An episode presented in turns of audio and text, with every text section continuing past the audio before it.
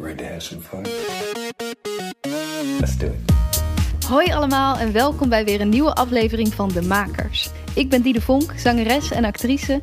En sinds ik ook zelfstandig muziek en theater ben gaan maken, merkte ik net als veel van mijn collega-makers dat ik tegen een aantal dingen aanliep. Vragen als hoe krijg je je werk aan de man? Hoe hou ik mezelf productief? En wat doe ik als ik even geen inspiratie heb? Daarom ben ik deze podcast begonnen, waarin ik elke week een inspirerende maker interview en vraag om tips. Vandaag spreek ik Frank Dane. Al meer dan 20 jaar is hij fulltime illustrator van vooral prentenboeken. Hij weet alle ins en outs over de wereld van illustreren en creëerde dit jaar voor het eerst een prentenboek vanuit zijn eigen geschreven verhaal. Een ontroerend verhaal over verlies, geschreven na het plotselinge overlijden van zijn eigen vader. We hebben het over wat dit met hem deed en hoe de dood ook een goede motivator kan zijn. Hoe je ervoor zorgt dat je datgene maakt wat je eigenlijk het engst vindt, maar ook het dichtst bij je hart ligt. En hoe perfectionisme ook iets moois kan zijn. Verder bespreken we uitgebreid hoe je je als illustrator staande houdt. Hoe vind je een uitgever? Hoe zorg je dat je je eigen geld gaat verdienen? En hoe ontwikkel je je eigen stijl? Ik wil in deze introtekstjes het liefst vaak alles al vertellen, maar jullie moeten maar gewoon gaan luisteren.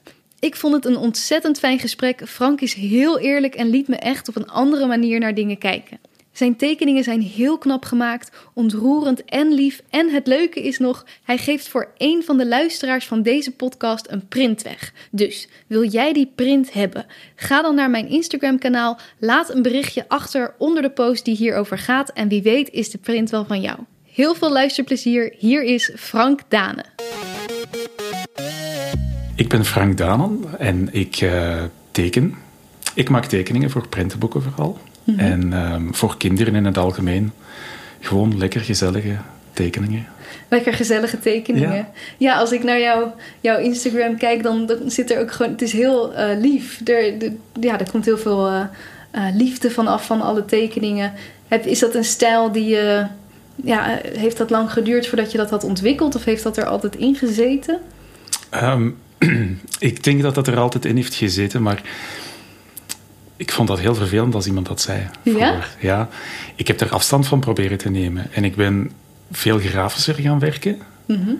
En dan heb ik gemerkt dat mensen geen connectie meer hadden met mijn figuren. Ja. En dan ben ik toch weer lekker beginnen tekenen, gelijk ik het zelf aanvoelde. En, en af en toe heb ik die neiging nog om, om grafischer gaan te werken, maar dan denk ik terug aan dat moment. En dan denk ik weer terug aan mijn, mijn voorbeelden, die helemaal niet hip zijn. Oh ja, je voorbeeld, uh, je tekenhelden, ja, zeg maar. Ja, zo, mijn helden zijn, zijn, zijn ja, nog nu gaan, gaan alle mensen lachen, maar Anton Pieck. Oké. Okay. Ja, dat is helemaal niet hip, hè? Nee, dat is lang nee. geleden. Maar ik moet eerlijk zeggen dat ik niet heel goed nu me voor de geest kan halen hoe dat eruit ziet. Ja, dat is de Efteling. Oh. Ja, en, en dat is... Um, ja, die sfeer. En, en ik, ik neig altijd naar die dingen. Ja.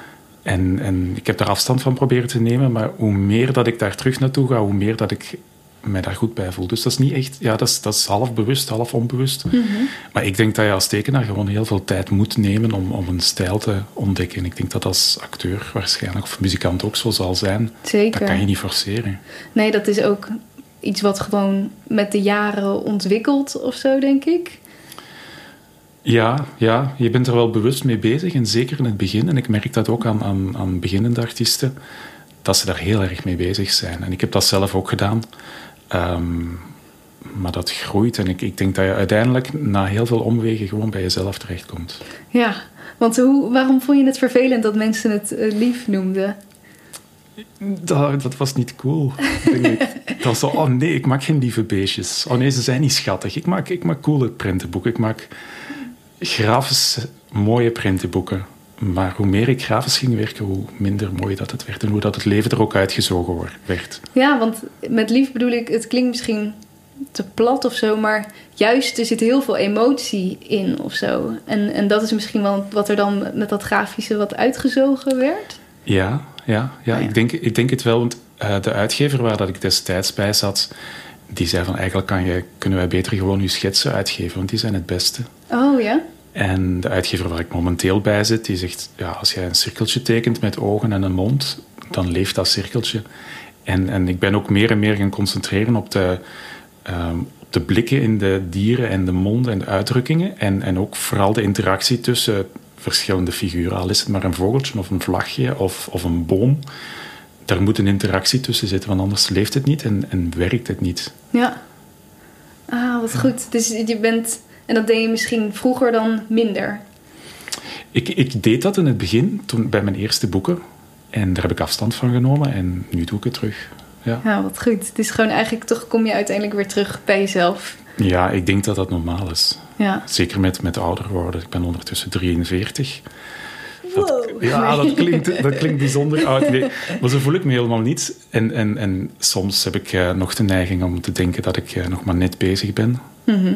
En ik heb zelfs uh, tien jaar geleden, toen ik al tien jaar bezig was, ooit, ooit ingeschreven voor een, um, een wedstrijd voor beginnende illustratoren. Echt? Dat een collega van mij een mailtje stuurde. Frank, je bent geen beginnende illustrator meer. Maar is dat een soort bescheidenheid of zo? Dat je... Nee, dat is gewoon hoe dat ik mij voel. Hm. Ik, ik heb ook constant het gevoel dat er iemand op een bepaald moment gaat zeggen van... Allee, kom, ga maar werken. Oh ja? Zo, ja. Het was niet echt. Dit was, dit was gewoon een... Ja, nee, dit is... Uh, nee. Nu moeten we even nu, serieus nu gaan we, worden. Nu gaan, nu gaan we echt beginnen leven, ja. Ja? Ja, zo voelt het. En, dat, en nog steeds ook nu? Ja, ja, ik denk dat dat ook, ook niet weggaat. Ik, mijn, mijn, mijn vrouw zegt, zegt ook vaak soms, je, je beseft niet goed uh, wat dat je aan het doen bent. Of, of hoe dat jouw werk uh, ervaren wordt door bepaalde mensen. Ja, precies. En, maar dat is ook heel moeilijk om dat, om dat te weten, hoe dat uw werk ervaren wordt door, door andere mensen. Ik merk het wel in reacties op het internet en, en via Instagram. Maar dan heb ik de neiging om dat soms zelfs niet te geloven. Ik vertrouw dat niet. Ik, ik kan me dat wel ergens voorstellen in de zin van je, jij maakt het en op, in de tijd dat je het maakt is het van jou, maar daarna ja, breng je het de wereld in. En dan, heb, dan voel jij niet meer, bijvoorbeeld een artiest op een podium, die voelt de, de, de reactie van het publiek. Ja. Maar jij hebt natuurlijk geen idee wat iemand voelt als hij jouw boek thuis heeft liggen. Nee, nee ja, ik, je, je merkt dat nu de laatste tijd wel krijg ik wel reacties omdat ik dichter bij de, bij de lezer sta, denk ik, via Instagram. Ja. Um, daar merk ik het wel, maar zelfs als iemand mij dat zegt, of zelfs tijdens lezingen of, of voorstellingen die ik geef, geloof ik eigenlijk alleen de kinderen. Ah. Omdat die, ja, die zijn, zijn eerlijk en die, die liegen zeker niet over zoiets. Maar als een volwassene mij dan komt zeggen van, hey, je maakt mooie tekeningen of ik vond het super of zo, dan denk ik, ja, ja. Ja? Ja, dat zal wel. ik, ja, maar dan, dan, ik zie ook altijd alle fouten in mijn werk, in mijn boek. Ja. Zowel in mijn boek als in mijn voorstellingen weet ik perfect wat er allemaal fout is gegaan. Ja. En dat geloof ik niet. En dan heb ik soms vijf jaar, tien jaar na een of ander evenement waar ik aan deelgenomen heb, dat ik denk van, oh, dat was toch wel tof. Ja, dan komt dat... Dan komt dat wel, Ja. ja. Ja, want kan je dan wel trots zijn op de dingen die je doet? Nooit. Nee? Nee. Nee. Ehm, ik kan wel denken, dat is, dat is tof. Dat was fijn. Ehm, en ik, ja, ik heb natuurlijk wel een zekere trotsheid, want anders zou ik hier niet zitten natuurlijk. Hè. Maar, maar ik, ik, eh, ik hoop altijd dat, dat niemand de foutjes ziet. Ja. Of dat niemand mijn kleine kantjes ziet. Je kleine? Ja, mijn kleine kantjes, zo, hoe moet ik het zeggen? Dat, dat het bijvoorbeeld echt wel zoeken is. Of dat ik nog twijfel aan bepaalde dingen in de tekst. Ehm, dat Ja. niemand dat gaat ontdekken dat ik eigenlijk een tekenaar ben en geen schrijver. Ja, ja, ja. Ehm, Dat is nu dat ik, natuurlijk dat ook ik weer... bijvoorbeeld zenuwachtig ben voor een, voor een voorstelling. Ja. Eigenlijk, ja... ja, maar dat mag er natuurlijk ook allemaal zijn of zo. En je bent ook perfectionistisch als artiest. Je ziet inderdaad altijd wat er beter kan. Ja, ja daar, daar trek ik mij dan wel aan op. Om, omdat ik denk, ehm, ja, als het moment dat dat stopt, dat je te zeker wordt, of dat je denkt van het is goed, dan ga je ook niks meer bijleren. En dan stopt het ook. En dan heeft het ook geen zin meer Dan om te maken. meer, Dan, nee, nee. Als je denkt, ik ben al klaar en eh, Ja, dan, het is fantastisch eh, wat ik doe. Dan, ja. dan zit er, ik denk dat ook juist misschien die bescheidenheid of die twijfel of zo bijdraagt aan dat het een goede tekening is. Snap je wat ik, Ik, bedoel? ik denk het wel. De tekeningen die te makkelijk gaan, Ja, die, die blijven niet overeind. Of ja, hoe moet ik het zeggen? Die, ehm, als, ik, als ik tekeningen zie waar ik op gezwoegd heb, die heel moeilijk gingen, die opnieuw zijn gemaakt, ehm, boeken waar dat heel hard aan gewerkt is, die blijven langer overeind. Ja. Die, die, daar kijk ik ook met iets meer gemak op terug. Misschien omdat ik weet dat ik alles uit de kast heb gehaald, dat ik op dat moment niet beter kon. Precies. Ehm, geeft dat ergens wel een, een, Ja, trots is dat toch niet, maar zo ergens een, een geruststelling. Ja. En ik merk ook tekeningen op, op Instagram die te gemakkelijk gaan, die te gemakkelijk ehm, klaar zijn. Daar komt ook minder reactie op. Oh, dat is wel interessant. Maar het is. ehm, we gaan zo natuurlijk ook nog even jouw hele pad hier naartoe bespreken. Maar ik vind het wel. Ehm, want het, is het wel, haal je wel plezier dan uit het. Want het is zwoegen dan, die tekeningen. Maar eh, ja, is het ook fijn? Ehm, nee. Nee? Ja, ja en nee. Ehm, het is fijn in het begin als alles kan, als alles open ligt. Zo ben ik gisteren bijvoorbeeld aan een nieuwe opdracht begonnen, die redelijk uitgebreid gaat zijn, wat waarschijnlijk, of ja, wat ook in een nieuw boek gaat, eh, gaat eh, uitmonden. En toen voelde ik opeens van, van goh, ik moet hier tijd voor nemen. En die tijd kunnen nemen voor iets en, en het pad wat nog volledig open ligt en het moment dat je weer terug kan beginnen experimenteren en kijken van wat heeft dit boek nodig, wat heeft dit verhaal nodig, Ja. dat is heel fijn. Ja. Maar dan komt er een moment dat ik moet beginnen schetsen. Ehm, dat, dat, eh, dat er ergens een soort deadline komt van ik moet tegen dan de schetsen af hebben. Mhm. En dat er een zekere routine in komt. Dan wordt het zwoegen. Dan wordt het heel hard zwoegen. En, en mijn gezin merkt dat ook aan mij. Dan weten ze ook dat ze mij niet moeten lastigvallen met andere dingen. Ja? En, en zelfs mijn schoonmoeder, die niet zo ver van mij, van mij woont, die weet dan dat ze mij niet moet bellen. dus dat is wel wa- waarschijnlijk duidelijk, duidelijk eh, zichtbaar dat ik dan aan het zoeken ben. En dan moeten de tekeningen ingekleurd worden. En dat is een moment dat je ook weer even begint te zoeken. En dat is ook wel weer plezant. Dat is zo heel tof. Ja, zo dat begin dan elke ja, keer is... welke kleuren gaan we gebruiken, welke techniek en wat heeft dit nodig? En dan komt spanning totdat ik op, weer terug zoeken tot op dat ik op de helft zit. En dat ik weet dat ik het ga afkrijgen, dat een deadline haalbaar wordt. Ja. En dan is het genieten. Dus dan is het wel dan is genieten. het wel genieten. Ehm, zo hard genieten dat het weer saai wordt. En dat ik weer begin te denken aan de volgende dingen die ik kan doen. Oké, ik vind dit fascinerend. Wacht, het is zo hard genieten dat het saai wordt. Hoe, hoe zit dat? Ja, dat is dan zo genieten van, ja, ik heb het gevonden en het werkt. En dan moet je op een bepaald moment doorwerken aan dat boek en doorwerken aan die tekeningen, want ze moeten af. Ja, je kan ja. niet, niet blijven denken en, en dan moet je gewoon uitvoeren. Ja. En dat is heel leuk om podcasts zoals deze te luisteren. Mhm. Ehm, en, en dan zet je van alles op als tapijtje, als achtergrond. Ah ja. Ehm, Want dan hoef je het alleen nog maar in te vullen. Dan hoef ik het alleen maar in te vullen. Maar, bepaal- maar dan moet je jezelf ook wel wakker houden. Want, want dan heb je zo de neiging om in te dommelen en fouten te beginnen maken. Waardoor dat het leven uit de tekening gaat. En, en eh, dan wordt het wel eh, tijd dat er iets nieuws komt weer. Ja. Maar ik, ik zeg dat nu... allee, wat ik nu vertel, dat lijkt zo over, over een maand te gaan bijvoorbeeld. Maar dat gaat over een half jaar tot negen maanden. ja, precies. Dat proces. Dus dat proces van het uitwerken, het, het inkleuren, dat is soms ja, vijf, vijf en een halve maand. oh ja. Dus dat is wel logisch dat je dan, als je dag in, dag in dag uit aan het kleuren bent, soms één of twee weken aan één tekening, alleen maar blaadjes in een boom kleuren, dat, dat, Mhm. Ja. dat, dat je er wel beu wordt. ja, ja dat, kan ik me inderdaad ook wel weer voorstellen, ja. Maar ehm, ja, laten we even teruggaan naar waar jij, hoe jij begonnen bent. Want je, je bent al meer dan twintig jaar eh, tekenaar. Ja. Ehm, eh, ja, je hebt niet... eh, je, je, bent, je bent... Zo, kom niet lekker uit mijn woorden. Jij bent opgeleid als grafisch ontwerper. Ja. Waarom heb je daar voor die opleiding gekozen? Ehm, ja, ik heb eigenlijk altijd striptekenaar willen worden. En ehm, ja, ik ben ook opgegroeid met, met, met strips van eh Jommeke. Ik weet niet of jullie dat hier kennen. Jommeke. Jommeke? Nee. Ehm, Suske en Wiske. Oh ja. Natuurlijk. Ja. Ehm, dat is ook een van mijn grote voorbeelden. Ook helemaal niet hip, Willy van der Steen. Oh, maar die, ja, die snap ik ook hoor. Ja, dat is wel zo het, het begin van, of ja, voor mijn gevoel. Het, Ja, dat is, daar zit een, een, een heel fijn gevoel in. Ja. Dat, is, dat is zo, ja, dezelfde warmte als, als dat je in de Efteling vindt. Ja.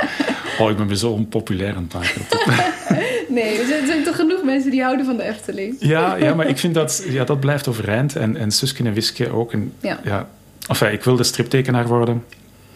Ehm, maar ik dacht, ja, daar moet je zo goed voor kunnen tekenen. En, en, ik had ook niet het geduld om al die printjes te tekenen. Dus ik dacht, nee, dat wordt niks. Um, maar dat is wel, ik ben wel altijd blijven tekenen. En dus dat deed je ook wel echt van jongs af aan? Ja, ik zat altijd te tekenen. Vliegtuigen, uh, plannetjes van pretparken. Um, auto's. Ik heb heel veel auto's uitgevonden. Ik heb zelfs motoren getekend. Oh, te gek. Waterstofmotoren. Want, want dat was een leerkracht die mij ooit had verteld dat je met water auto's kon laten rijden. En ik heb dat helemaal zitten uittekenen tot in de kleinste details. En dan kwam het plezantste, dat was dan de auto daar rond tekenen. dus ja, ik, ik, ik, tekende van alles, maar ik was niet met het soort tekeningen bezig wat dat ik uh, nu maak. En toen dus dat uh, grafisch ontwerpen en volgens mij ook industriële wetenschap? Ja, ik, ik heb industriële wetenschappen gedaan. Um, dat is een, ja, een middelbare opleiding. Ik weet niet hoe dat jullie dat hier noemen. Uh, vanaf, vanaf 12 jaar, van 12 tot 18. Oh, kies je dan al echt zo'n kant, een richting? Ja, dan kies je ofwel ga je de klassieke talen of moderne talen. Ah, ja, precies. Of, uh, en ik zat in een technische richting. Ja. Um, en, en ik werd eigenlijk voorbereid om, om daarnaast als uh, ingenieur uh, te gaan studeren. Ja. Industrieel ingenieur. Mm -hmm. Gelukkig is dat niet doorgegaan, want er zouden heel veel bruggen zijn ingestort. Moest ik ze getekend hebben. Um, nee, dat was een leerkracht die wel door had dat ik uh, niet op mijn plek zat. En uh, zij, op het einde van het uh, zesde leerjaar of van het, van het vijfde jaar moesten we een oriënteringsstage doen. dus dat je ergens een stage gaat doen, dat je weet, dit ligt mij of dit ligt mij niet. Het was eigenlijk een kans om even te ontdekken mm -hmm. wat dat je later wil doen. En hij zei, gaan, gaan bij een krant werken. En daar heb ik alle facetten van die krant um, uh, één of twee dagen mogen, mogen doen. Dus zowel de vormgeving als met de journalisten als de zetters. Wat zijn de zetters? Um, oh, de... Dat bestaat niet meer nu, maar dat waren mensen die dan um, de letters echt zetten ah, voor ja. de krant. Ja. En dat was super boeiend. En toen wist ik dat ik uh, grafische vormgeving wilde gaan doen. Ja.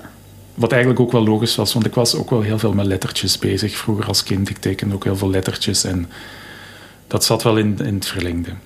Um, enfin, ja, dus daar kon ik mijn geld mee gaan verdienen later, dacht ja. ik dan. Ja, dus ja, laten we dat doen. Maar dat was een leerkracht en die gaf een optievak illustratie en die wilde dat ik uh, dat kwam volgen. Dus we hadden een aantal optievakken en illustratie was er daar één van.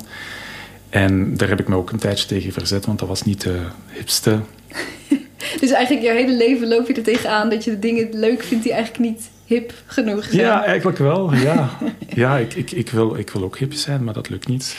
Maar ik, ik leg er mij ondertussen wel bij neer. Dus, um, enfin, ja, dus, dus ik heb dan... Um, dus je hebt je er eerst tegen verzet. Ik, ik wil niet dat illustratievak doen. Ja. En waarom ben je het toch gaan doen? Ik denk om, gewoon omdat ik, ik, ik, wilde gewoon dwars zijn en, en dat niet doen, maar ik voelde wel dat dat de juiste richting was, dat ze gelijk Ja, had. Dus ja. ik heb het wel gedaan. En ik deed dat heel graag en vooral prentenboeken vond ik super. Ja, dat was eigenlijk striptekenen, maar dan met twaalf prenten in plaats van, van honderden printjes. Ah ja, dan hoef je niet al die tekenen. Ja, ja, precies. Ja, en Dat, was, dat was heel fijn. En um, bij het, uh, het afstudeerproject zijn er uitgeverijen komen kijken. En een van die uitgeverijen heeft mij toen gevraagd of ik, uh, of ik wilde tekenen. Um, maar daarvoor, um, dat, ja, ik ga nu niet te fel uitweiden. Maar dat was een, een, schrijver die ik via mijn broer kende, die kinderboeken tekende, uh, maakte, schreef. Mm -hmm. En ik had tegen mijn broer gezegd dat ik die tekeningen helemaal niet mooi vond. En mijn broer heeft dat tegen die schrijver gezegd. En die schrijver zei, als hij het beter kan, dan moet hij het maar eens proberen. Echt? En um, ik zeg, ja, dan mag ik, uh, mag ik een paar proefprinten. En hij zegt, ja, ja doe maar. Wat dus goed. dat, dat was eigenlijk al bezig in mijn laatste jaar um, grafische vormgeving. Oh, wat hilarisch. Dus je, ja, je, je hebt eigenlijk hem een beetje beledigd misschien?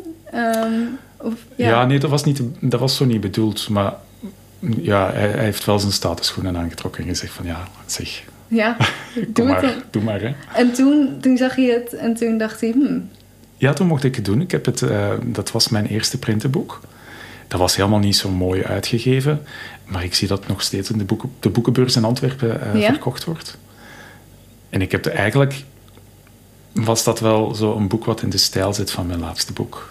Dus wel dat zo'n beetje de cirkel ja, de cirkel is nu een beetje rond. Ja, precies. Denk ik. Ja. ja. En eh, ja, we moeten het zo natuurlijk ook nog over, over je laatste boek hebben. Want uh, dat, nou, dat, dat ligt hier voor ons, ook voor de mensen die uh, via YouTube meekijken. Ja. Heel erg mooi ziet dat eruit. Dank je. Maar het klinkt wel ook als een soort droomstart. Um, volgens mij mensen die nu afstuderen als tekenaar. En er zijn volgens mij heel veel mensen die graag prentenboeken willen maken. Maar het klinkt ook alsof het bij jou dan toch een beetje op je pad kwam of zo. Ja, ja het is vanzelf gegaan. Ja. Ja, dat zijn, ik had ieder, ieder jaar een boek en ik moest van al heel snel uh, opdrachten afzeggen. Um, totdat het moment kwam dat ik dacht van ja, nu ga ik, ga ik fulltime beginnen tekenen en heb ik mijn job opgezegd. Ja, want je deed nog grafisch ontwerp daarnaast. Dan. Ja, ik, ik ja. werkte in een, in, in een van de eerste online uh, reclamebureaus van België. En dat was, dat was heel tof. Dat heb ik, dat heb ik me rot geamuseerd.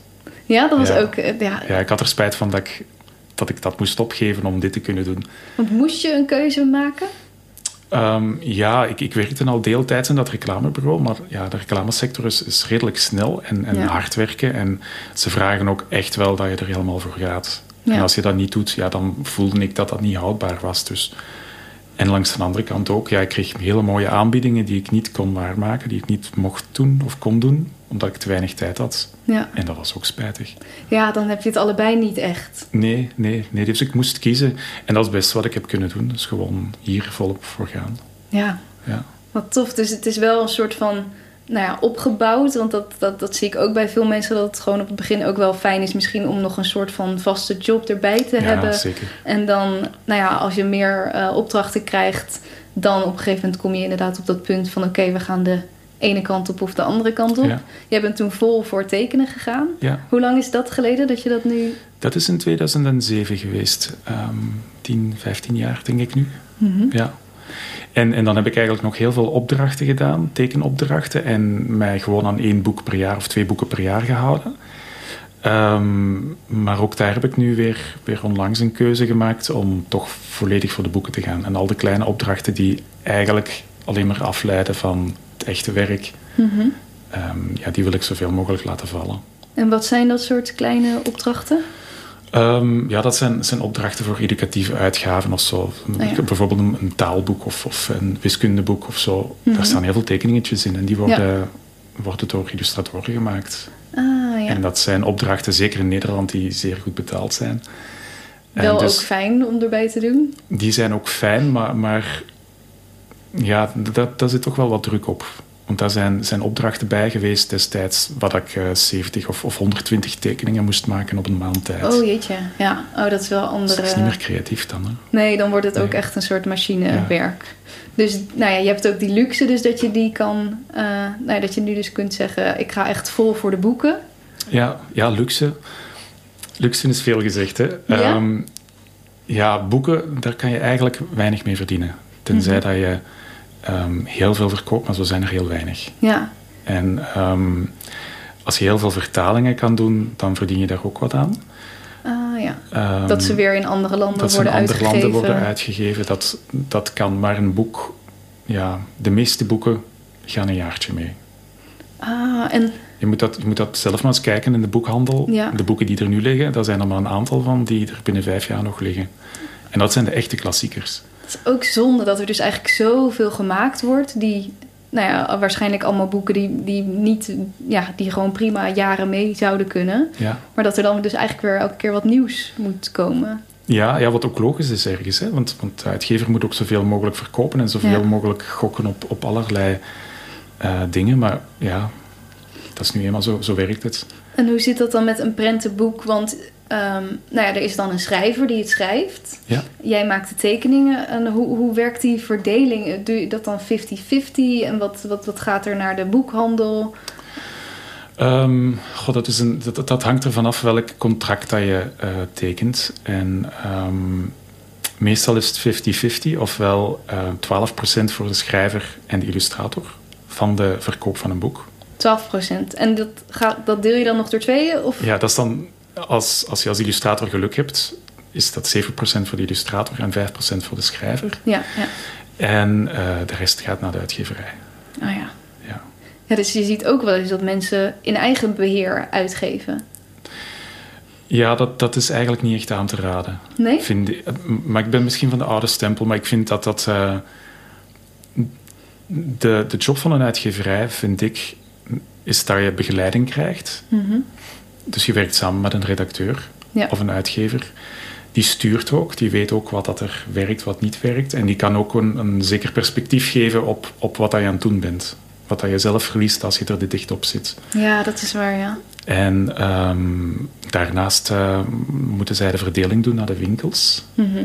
En eh, gaan zij ook naar beurzen in het buitenland om, om rechten te verkopen. Ah, ja. ja.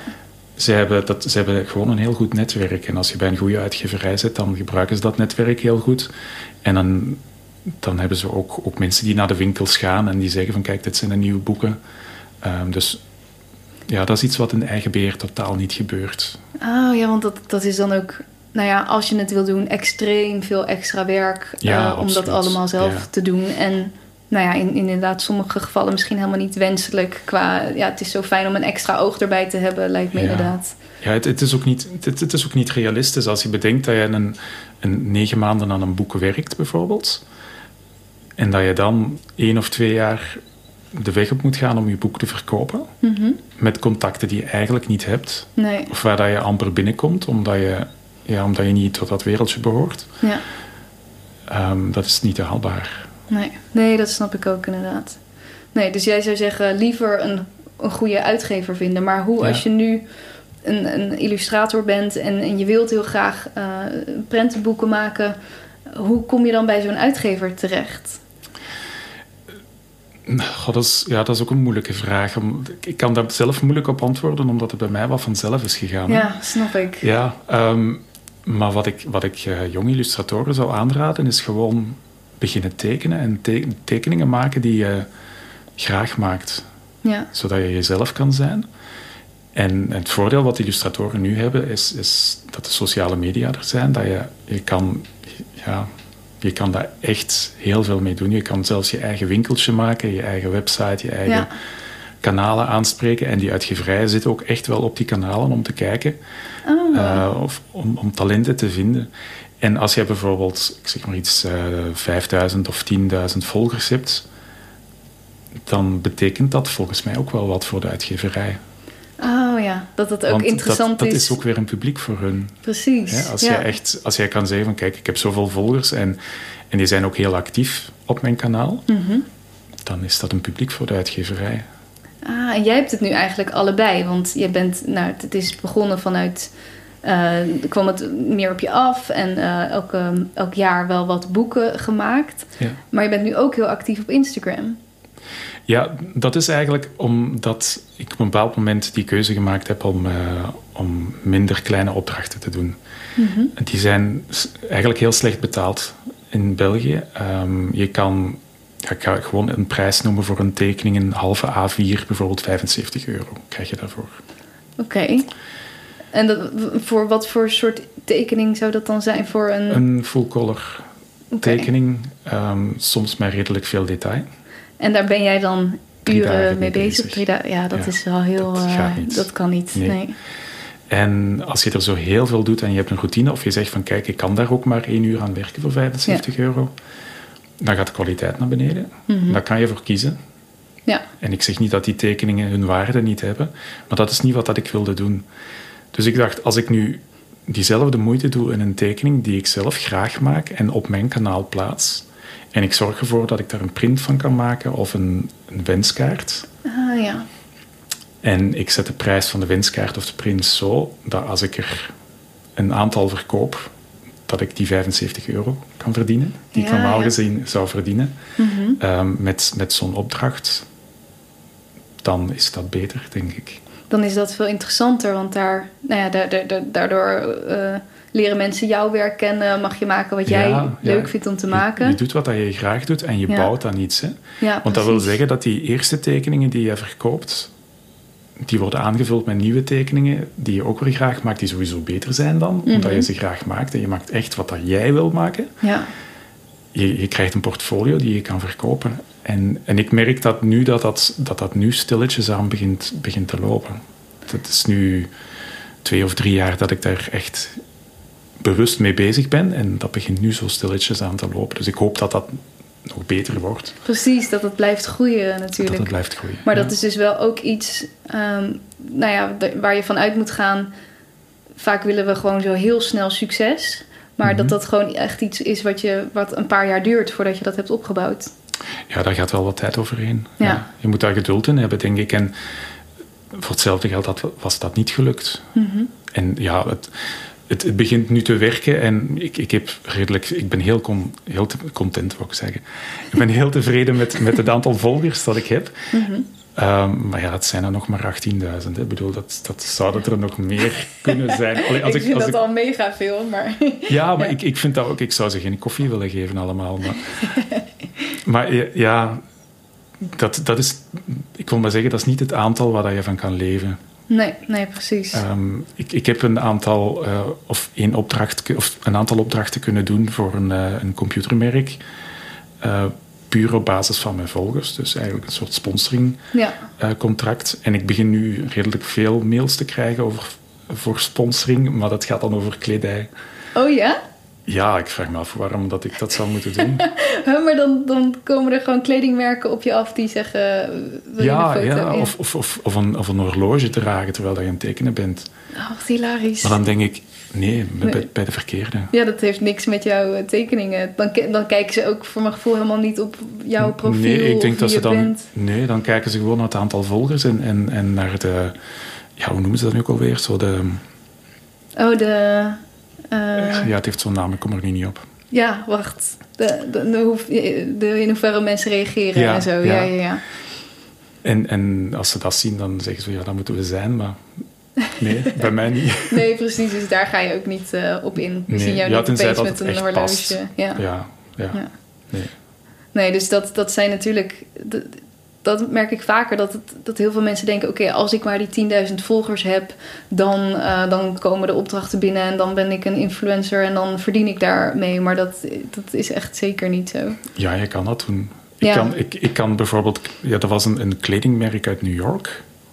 En als ik naar dat profiel ging kijken op Instagram... dat waren allemaal zo van die perfecte jongens en meisjes. Ten eerste, ik ben 43. Waar ga ik daartussen staan? dat, dat past totaal niet. En je kan dat doen. Ja, dan kan je hier en daar wat snabbelen. Maar nee, dat is niet, dat is niet, niet, niet constructief. Of dat, Nee. nee. Zeker Dat niet iets wat je als dat is niet kunstenaar... waardevol, nee. nee. Nee, precies. Ja, lieve luisteraars, even een kleine mededeling tussendoor dat je deze podcast kunt steunen.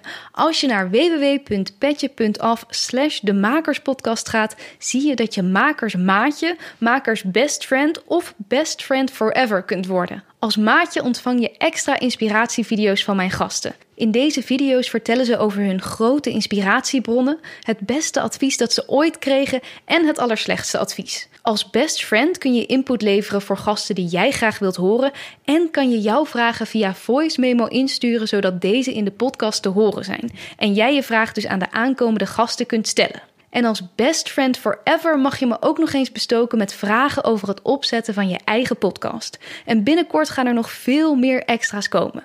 Daarnaast help je ons om deze podcast te kunnen blijven maken. Dus daar zou ik je sowieso ontzettend dankbaar voor zijn. Nu gauw weer terug naar het gesprek. Want hoe zorg je dan wel dat je, nou je bent al, ik heb het al een paar keer gezegd, maar je bent al twintig jaar tekenaar. Hoe zorg je dat je daar, ja, dat dat financieel dan toch haalbaar blijft? Ehm, wel in België hebben we ehm, het, het Vlaams Fonds voor de Letteren. Ehm, dat klinkt ook echt zo Vlaams. Hè? Ja, mooi. Ja, ja. En in Nederland heb- hebben ze het Stichting Lezen. Ja, Ja, ik kom nu niet op de naam, maar dat is iets gelijkaardigs. Mhm. En zij geven subsidies voor, voor lezingen te doen in scholen en bibliotheken. En het zijn niet zozeer die subsidies, maar je komt op een bepaalde lijst te staan, Mhm. waar dat organisatoren gaan kijken van wie geeft er lezingen voor die doelgroep over boeken. En Ah. zo krijg je eigenlijk wel een platform. Je krijgt dan 15 lezingen die je kan geven die gesubsidieerd zijn, maar meestal boeken ze dan meer lezingen. Dus het is ergens een platform en een, Oh, ja, wat, een, eh, een hefboom. ja, wat een goed systeem. Ja, maar dat werkt, het, zit, het zit in Nederland ook. Ik kom nu alleen niet op de naam, hoe dat het heet. Ehm, Ja, we hebben wel ook een letterenfonds, maar dat is dan misschien weer iets anders. Goh, ik weet het niet. Dat, dat ga je... En is dan, eh, dan ga jij langs scholen met jouw eigen boeken, die, die, daar vertel je over. En, uh... Ja, het is eigenlijk meer een verteltheatertje wat ik doe. Dus, ja, want jij zingt ook en je neemt je gitaar ja, mee. Zingen toch? en gitaar spelen is veel gezegd, maar, maar ik, ik doe dat graag en ik, ik, ja, dat werkt bij de kinderen. Ja, tuurlijk. Um, de tijd dat de schrijver voor op de troon ging zitten en voorlezen uit zijn boek mm -hmm. en zei tegen de kinderen dat ze moesten zwijgen, die is voorbij, want dat werkt niet meer. Um, maar ik doe dat heel graag en dat is zowel voor, voor kleuters vanaf drie jaar tot, tot kinderen van zes jaar. Doe ik eigenlijk hetzelfde, maar dan op het niveau van de kinderen. Mm -hmm. En dat is het, het, verhaal voorlezen, uitleggen wat een illustrator doet, um, op een heel speelse manier. Um, en dan samen tekenen. Ik laat tekeningen zien, ze moeten tekeningen raden en ik speel muziek. En ja, een uurtje is zo om. Leuk, heel leuk. En dat, dat zijn dus bijvoorbeeld klussen die ervoor zorgen dat jij uh, nou ja, financieel uh, de rest van de dat, tijd kan dat tekenen. Is, ja, dat is Ja. mijn inkomst. Dat, zijn, dat is mijn hoofdinkomen eigenlijk. Ja, want dus eigenlijk van nou, één, twee prentenboeken per jaar, eh, dat, daar ga je het niet mee redden. Nee, nee je, moet, je moet een prentenboek zien als een investering. Door die prentenboeken kan ik, eh, kan ik de lezingen geven, want dat mag alleen als je Ah. op een officiële uitgeverij uitgegeven wordt. Mhm.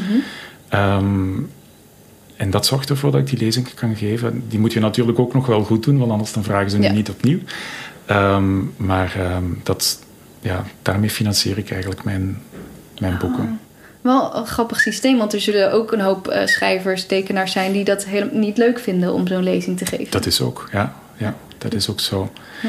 Maar er is nog een ander subsidiesysteem, ehm, wat ik zelf eigenlijk niet aan deelneem. Ik heb dat wel eens geprobeerd, maar daar kruipt zoveel tijd in en ik vind het ook niet helemaal correct.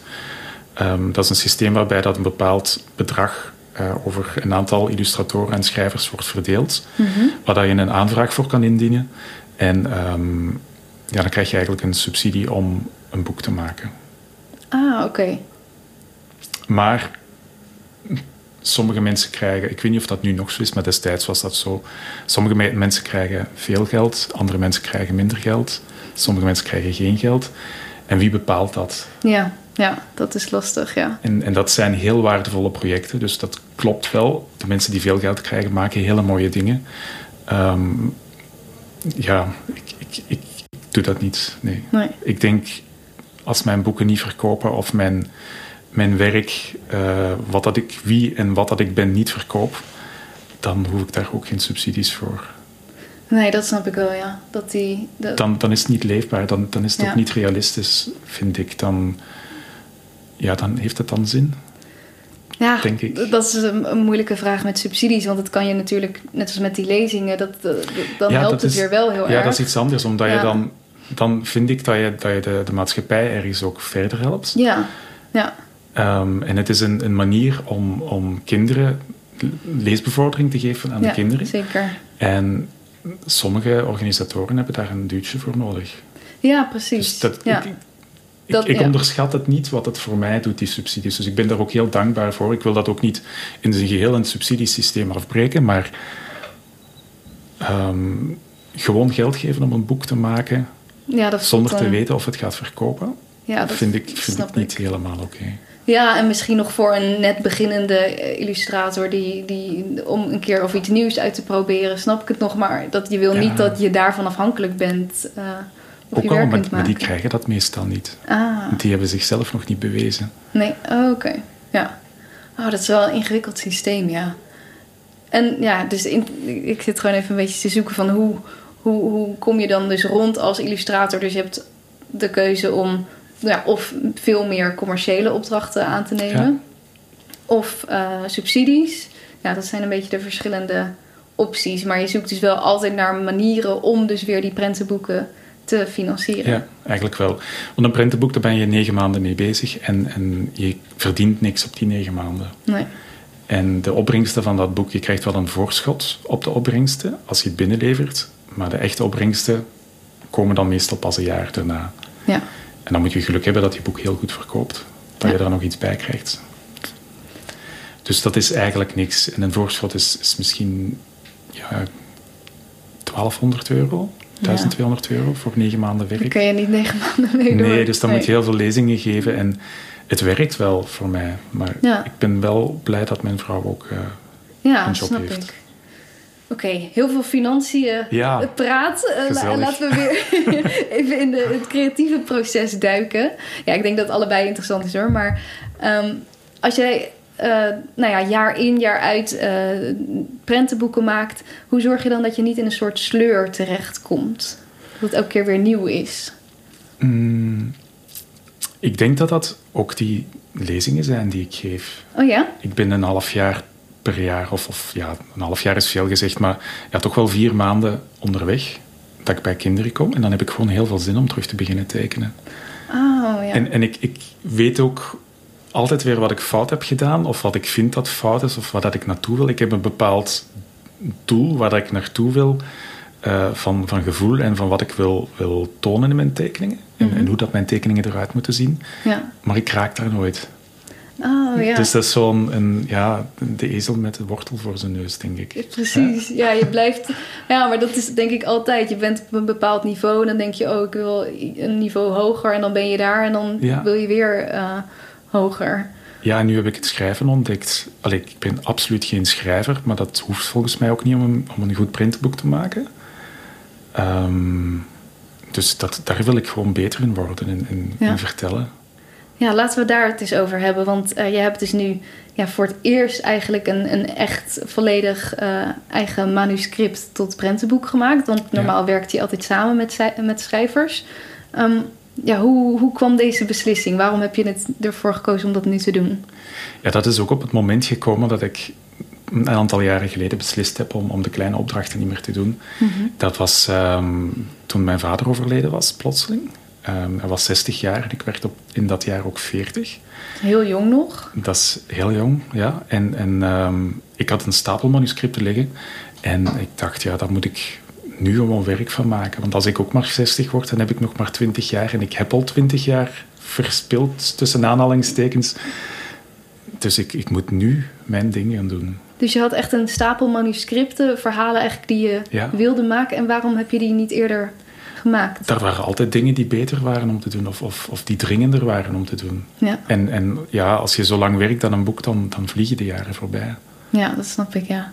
En, en dus dat moment dat jouw vader overleed, was ook een moment voor jou misschien dat je dus even stilstond en keek, wat wil ik zelf eh, het liefste of zo? Ja, ja het, was, het was ergens... Ik, ik, ik denk dat de dood de beste motivator is. Klinkt een dat beetje- klinkt heel luguber, Ja. maar... Maar ja, ja, rond de dood, dat, dat, wordt, dat wordt altijd zo negatief over gedaan. En dat is ook een heel triestig iets. Mhm. Maar het kan je wel motiveren. Het, het is er nu eenmaal. Ja, Dat is, waar dat, we zeker, ja, dat is ook een cliché waar dat we zeker van zijn. Dat we, als we geboren worden, is dat we doodgaan. Mhm. Al de rest weet je niet. Je weet ook niet wanneer. Dus het wordt potverdikke hoog tijd om je ding te doen. Hè? ja precies. Maar dat, is, dat is voor iedereen zo. En ik wou dat ik dat veel eerder beseft had, want het komt uiteindelijk allemaal wel goed. Hè? Allee, ja, niet goed, omdat je doodgaat, maar... Hoe bedoel je, het komt uiteindelijk allemaal wel goed? Ja, iedereen heeft, is, is bang van, van, om keuzes te maken, om, om te doen wat dat je graag wil doen. Zelfs in hetgeen wat ik graag deed, deed ik niet de dingen die ik het liefste deed. Ja, precies. Omdat ik te voorzichtig was. En het kan zijn dat ik binnen tien jaar zeg van, goh nee, dat was het toch niet. Of Mhm. dat is heel grandioos mislukt. Maar dan heb ik dat liever dan dat ik zeg van, ik heb het nooit geprobeerd. Ja, je hebt het in Ja, ieder je, je geval leeft, geprobeerd. het, het is echt een cliché, maar het is wel zo. Je, je leeft maar één keer. Hè? Ja. En wat heeft het dan voor zin om dingen te doen die je niet graag doet? ja, dat is het echt.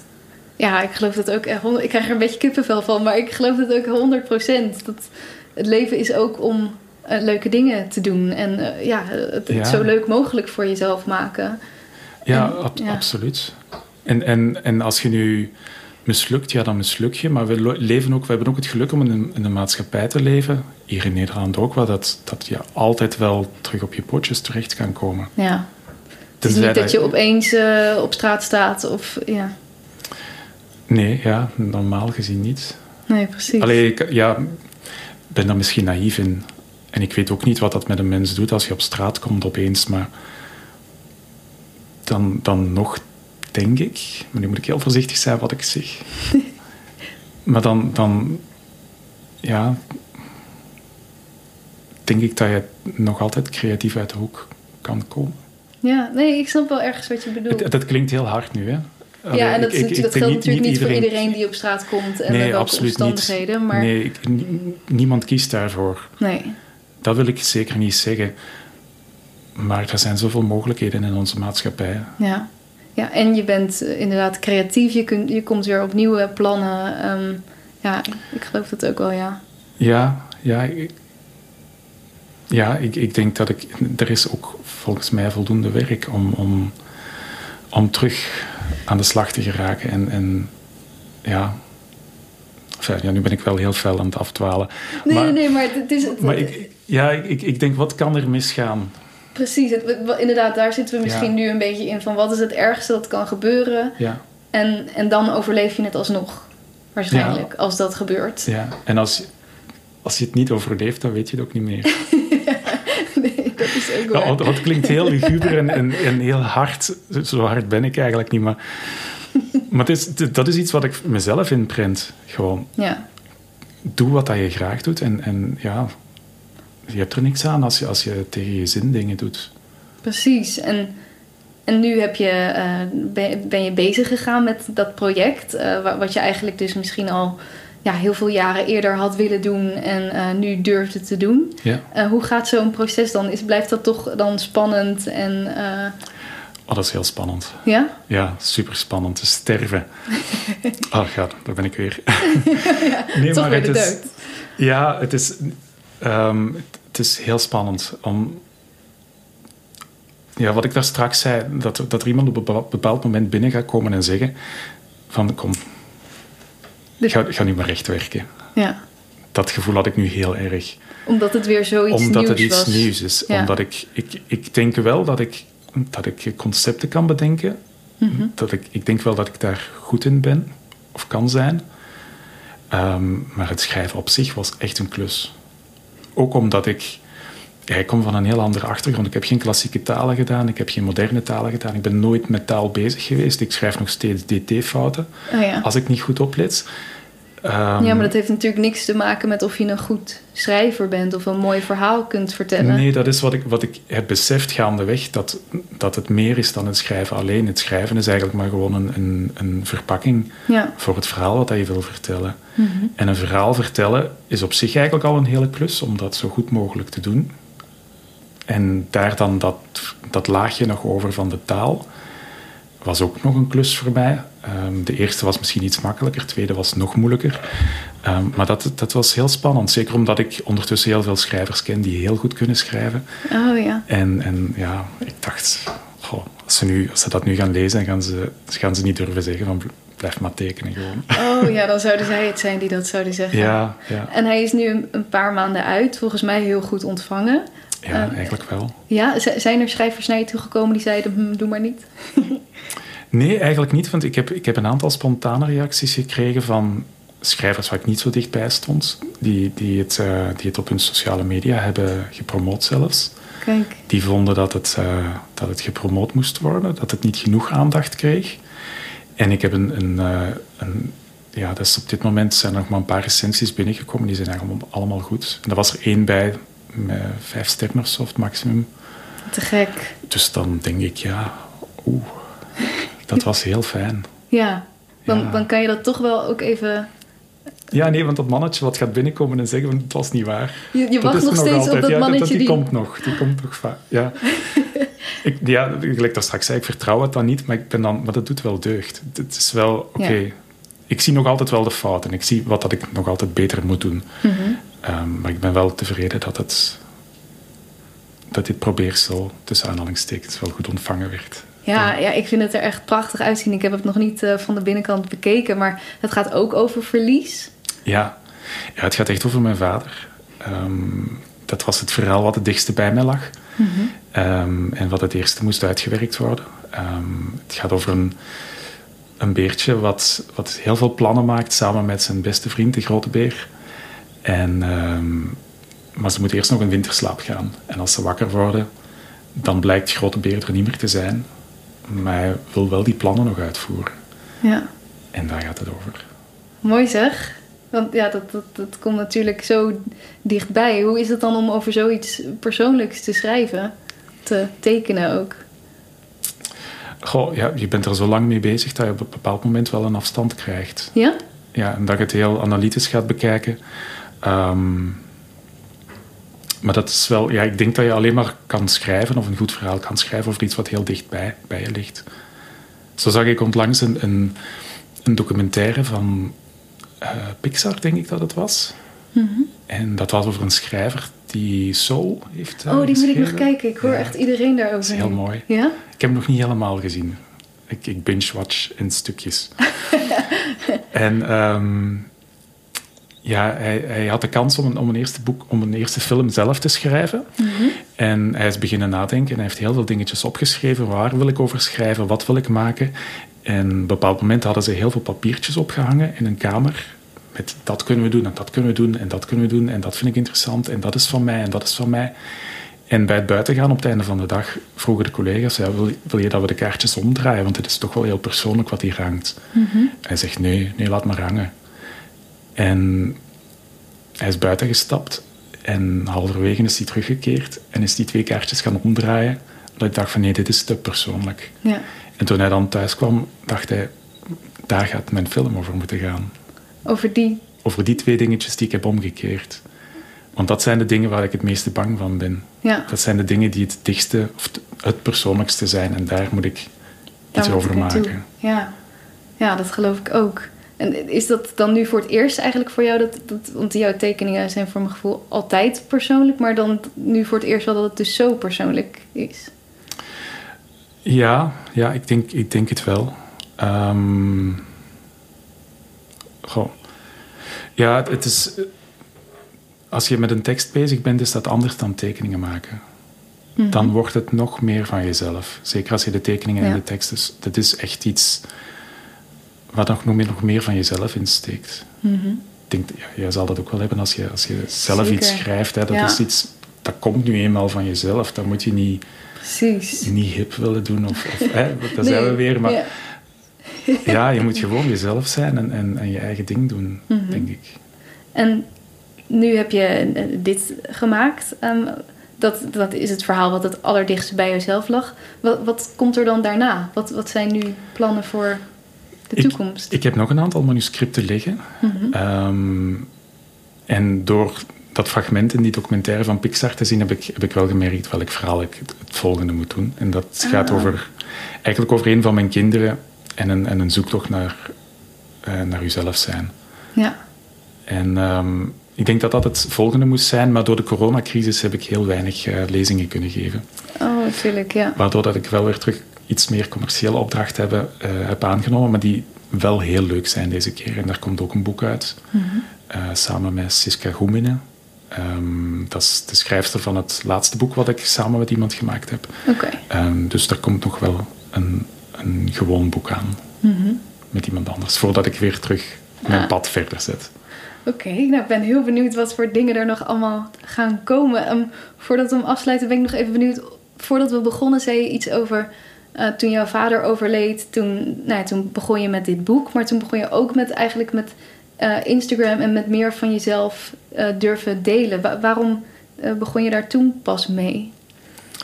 Ehm, omdat, ik, omdat ik het beu was dat, dat, ehm, dat we zo weinig betaald krijgen voor tekenopdrachten.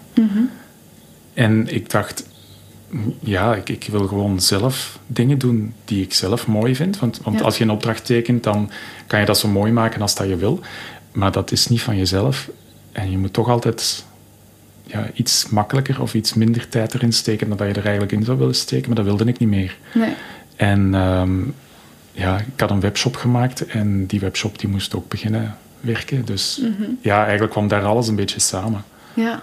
Ja, Ja. precies. Dus dat is ook dat stukje van het zelf opbouwen en echt je eigen, ja, je eigen eh, nou ja, merk klinkt zo, maar wel ja, je, je eigen bedrijf Eigen- opbouwen. Eigenlijk is het wel zo. Ja. En dat is wat een, een collega van mij het laatst zei. Eh, We hadden het erover en hij zegt, als ik jouw tekeningen zie, dan, dan zie ik dat je eigenlijk een klein merkje Ja, geworden bent. precies. Een bedrijf. Ja, eigenlijk wel. En, en sindsdien ben ik het ook wel zo gaan bekijken. Ja? En, en daar wil ik ook meer naartoe gaan. Eh, omdat er komen nog heel veel leuke dingen uit dit jaar die ik wil maken. Ik hoop dat ik de kans krijg om het allemaal te doen. Ehm, dingen die van mezelf komen, gelijk, gelijk agendatjes of, of uh, Ja, leuk. notitieboekjes. Ja. En zo van die dingen ben ik aan het kijken wat ik daar allemaal mee kan doen. Mhm. Want ik, de tekeningen zijn er. Ja, precies.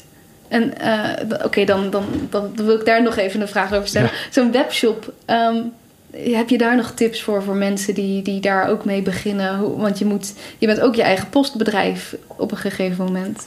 Ja, ehm, daar ben ik nog mee aan het zwoegen. Ja? Ja. Ehm, er bestaan methodes om dat, om dat te stroomlijnen. Ehm, maar dan moet je zelf een beetje ja, uitbouwen. Mhm. Ik, ik werk zelf met, eh, met WordPress, omdat ik dat systeem het beste kende. Daar zijn, ik kan nu niet te technisch worden, maar er zijn plugins die je daar Ja. aan kan hangen om, om je webshop uit te breiden. Ja, precies. En eh, een van de plugins is... eh, ik weet niet of ik reclame mag maken.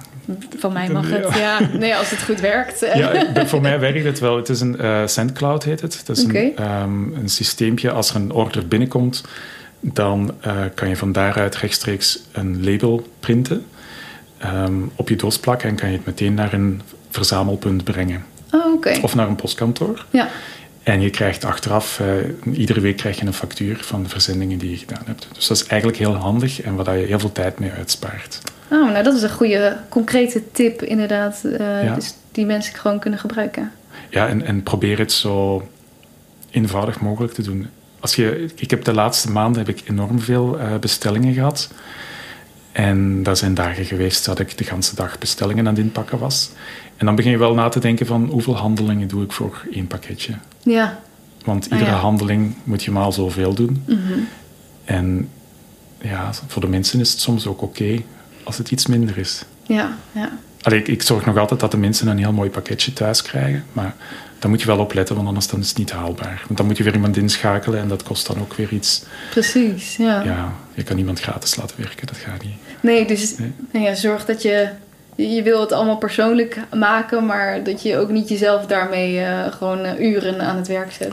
Nee, en, en je moet het ook echt persoonlijk maken. Want ik kan niet de service geven die bol.com geeft. Nee. Ik kan niet leveren wat bol.com geeft, maar ik kan wel dingen leveren die zij niet hebben. Ja, precies. En dat is een, persoonlijke, een persoonlijk boek dat gesigneerd is, of een print die genummerd is en gesigneerd, eh, of postkaartjes die ze nergens anders kunnen krijgen. Ja, Dus daar moet je als, als creatief, creatieveling echt op werken.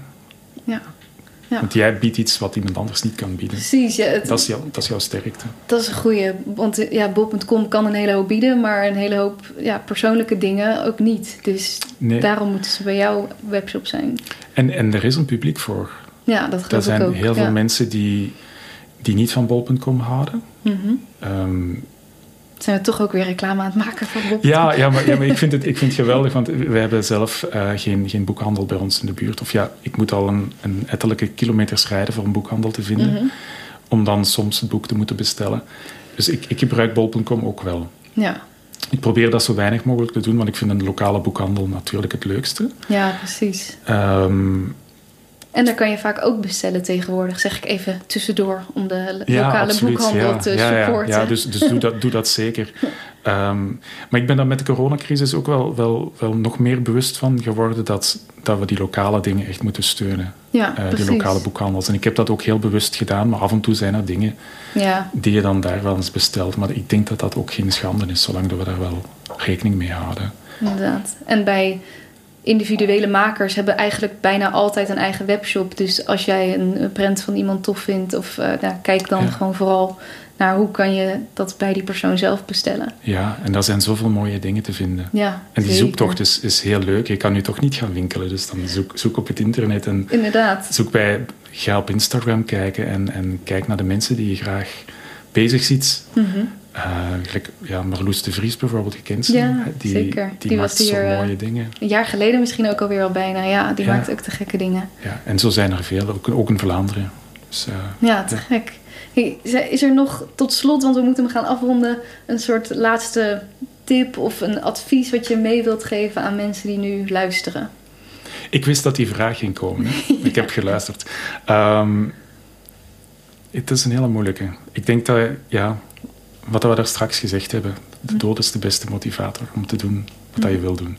En eigenlijk wil je dus toch liever dat dat dat, dat je die motivatie al hebt zonder de dood, toch? Of, Ja, absoluut. Ja, Ja. liefst. liefst ja. Ja. Maar besef dat... Ik denk wel dat je, dat je mag beseffen dat het snel gedaan kan zijn. En Ja, dat, precies, dat klinkt heel negatief, maar...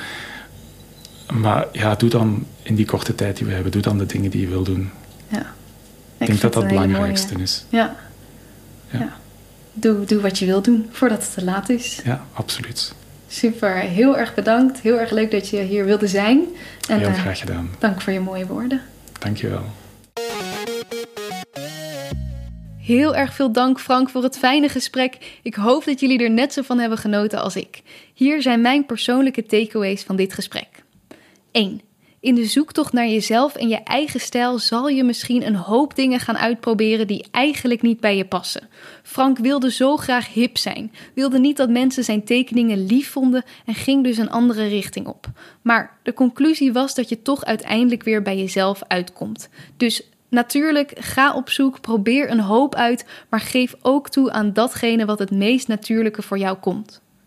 2. Frank is ontzettend perfectionistisch en ziet altijd waar het nog beter kan. Perfectionisme wordt vaak als een slechte eigenschap gezien, maar juist door deze eigenschap haalt hij ook altijd alles uit de kast en neemt hij geen genoegen met minder. Dus een beetje perfectionisme brengt je ook weer verder. 3.